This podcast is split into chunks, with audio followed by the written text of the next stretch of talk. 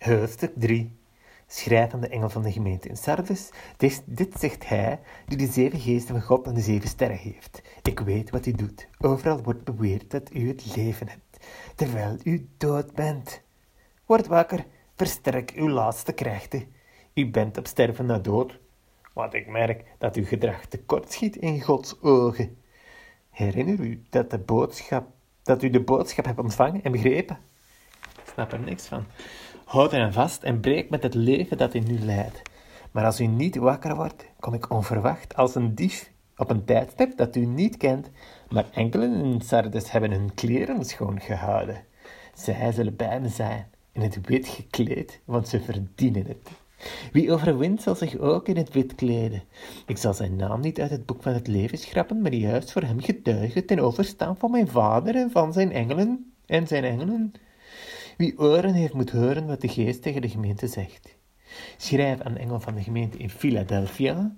Dit zegt hij, die heilig en betrouwbaar is, die de sleutel van David heeft. Wanneer hij open doet, kan niemand sluiten. Wanneer hij sluit, kan niemand openen. Ik weet wat hij doet. Ik heb ervoor gezorgd dat de deur voor u open staat, zonder dat iemand hem kan sluiten. Want ook al hebt u weinig invloed, u bent trouw gebleven aan wat ik heb gezegd. En heb mijn naam niet verloochend. Ik zal mensen laten komen die bij Satan horen, leugenaars die zich Joden noemen. En niet zijn, ze zullen zich eerbiedig aan uw voeten werpen en erkennen dat ik u heb liefgehad. Omdat u trouw bent gebleven aan mijn gebod om stand te houden, zal ik ook u trouw zijn wanneer de korte tijd van de proeving aanbreekt en als heel de aarde en de mensen die leven op de proef gesteld worden. Ik kom spoedig, houd vast aan wat u hebt, zal niemand u, en dan zal niemand u de lauwerkrans kunnen afnemen.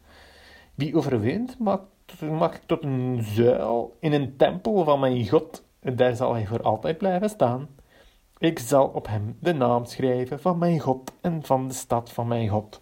Het nieuwe Jeruzalem dat bij mijn God vandaan uit de hemel zal neerdalen. En ook mijn, God, uh, en ook mijn eigen nieuwe naam. Wie oren heeft, moet horen wat de geest tegen de gemeente zegt. En schrijf aan de engel van de gemeente in Laodicea. Dit zegt Amen, de trouwe en betrouwbare getuige, het begin van Gods schepping. Ik weet wat u doet. Hoe u niet koud bent.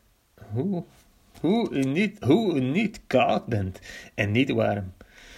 Was u maar koud of warm. Maar nu u lauw bent, in plaats van koud of warm, of warm of koud, zal ik u uitspuwen. U zegt dat u rijk bent, dat u alles hebt wat u wilt en niets meer nodig hebt.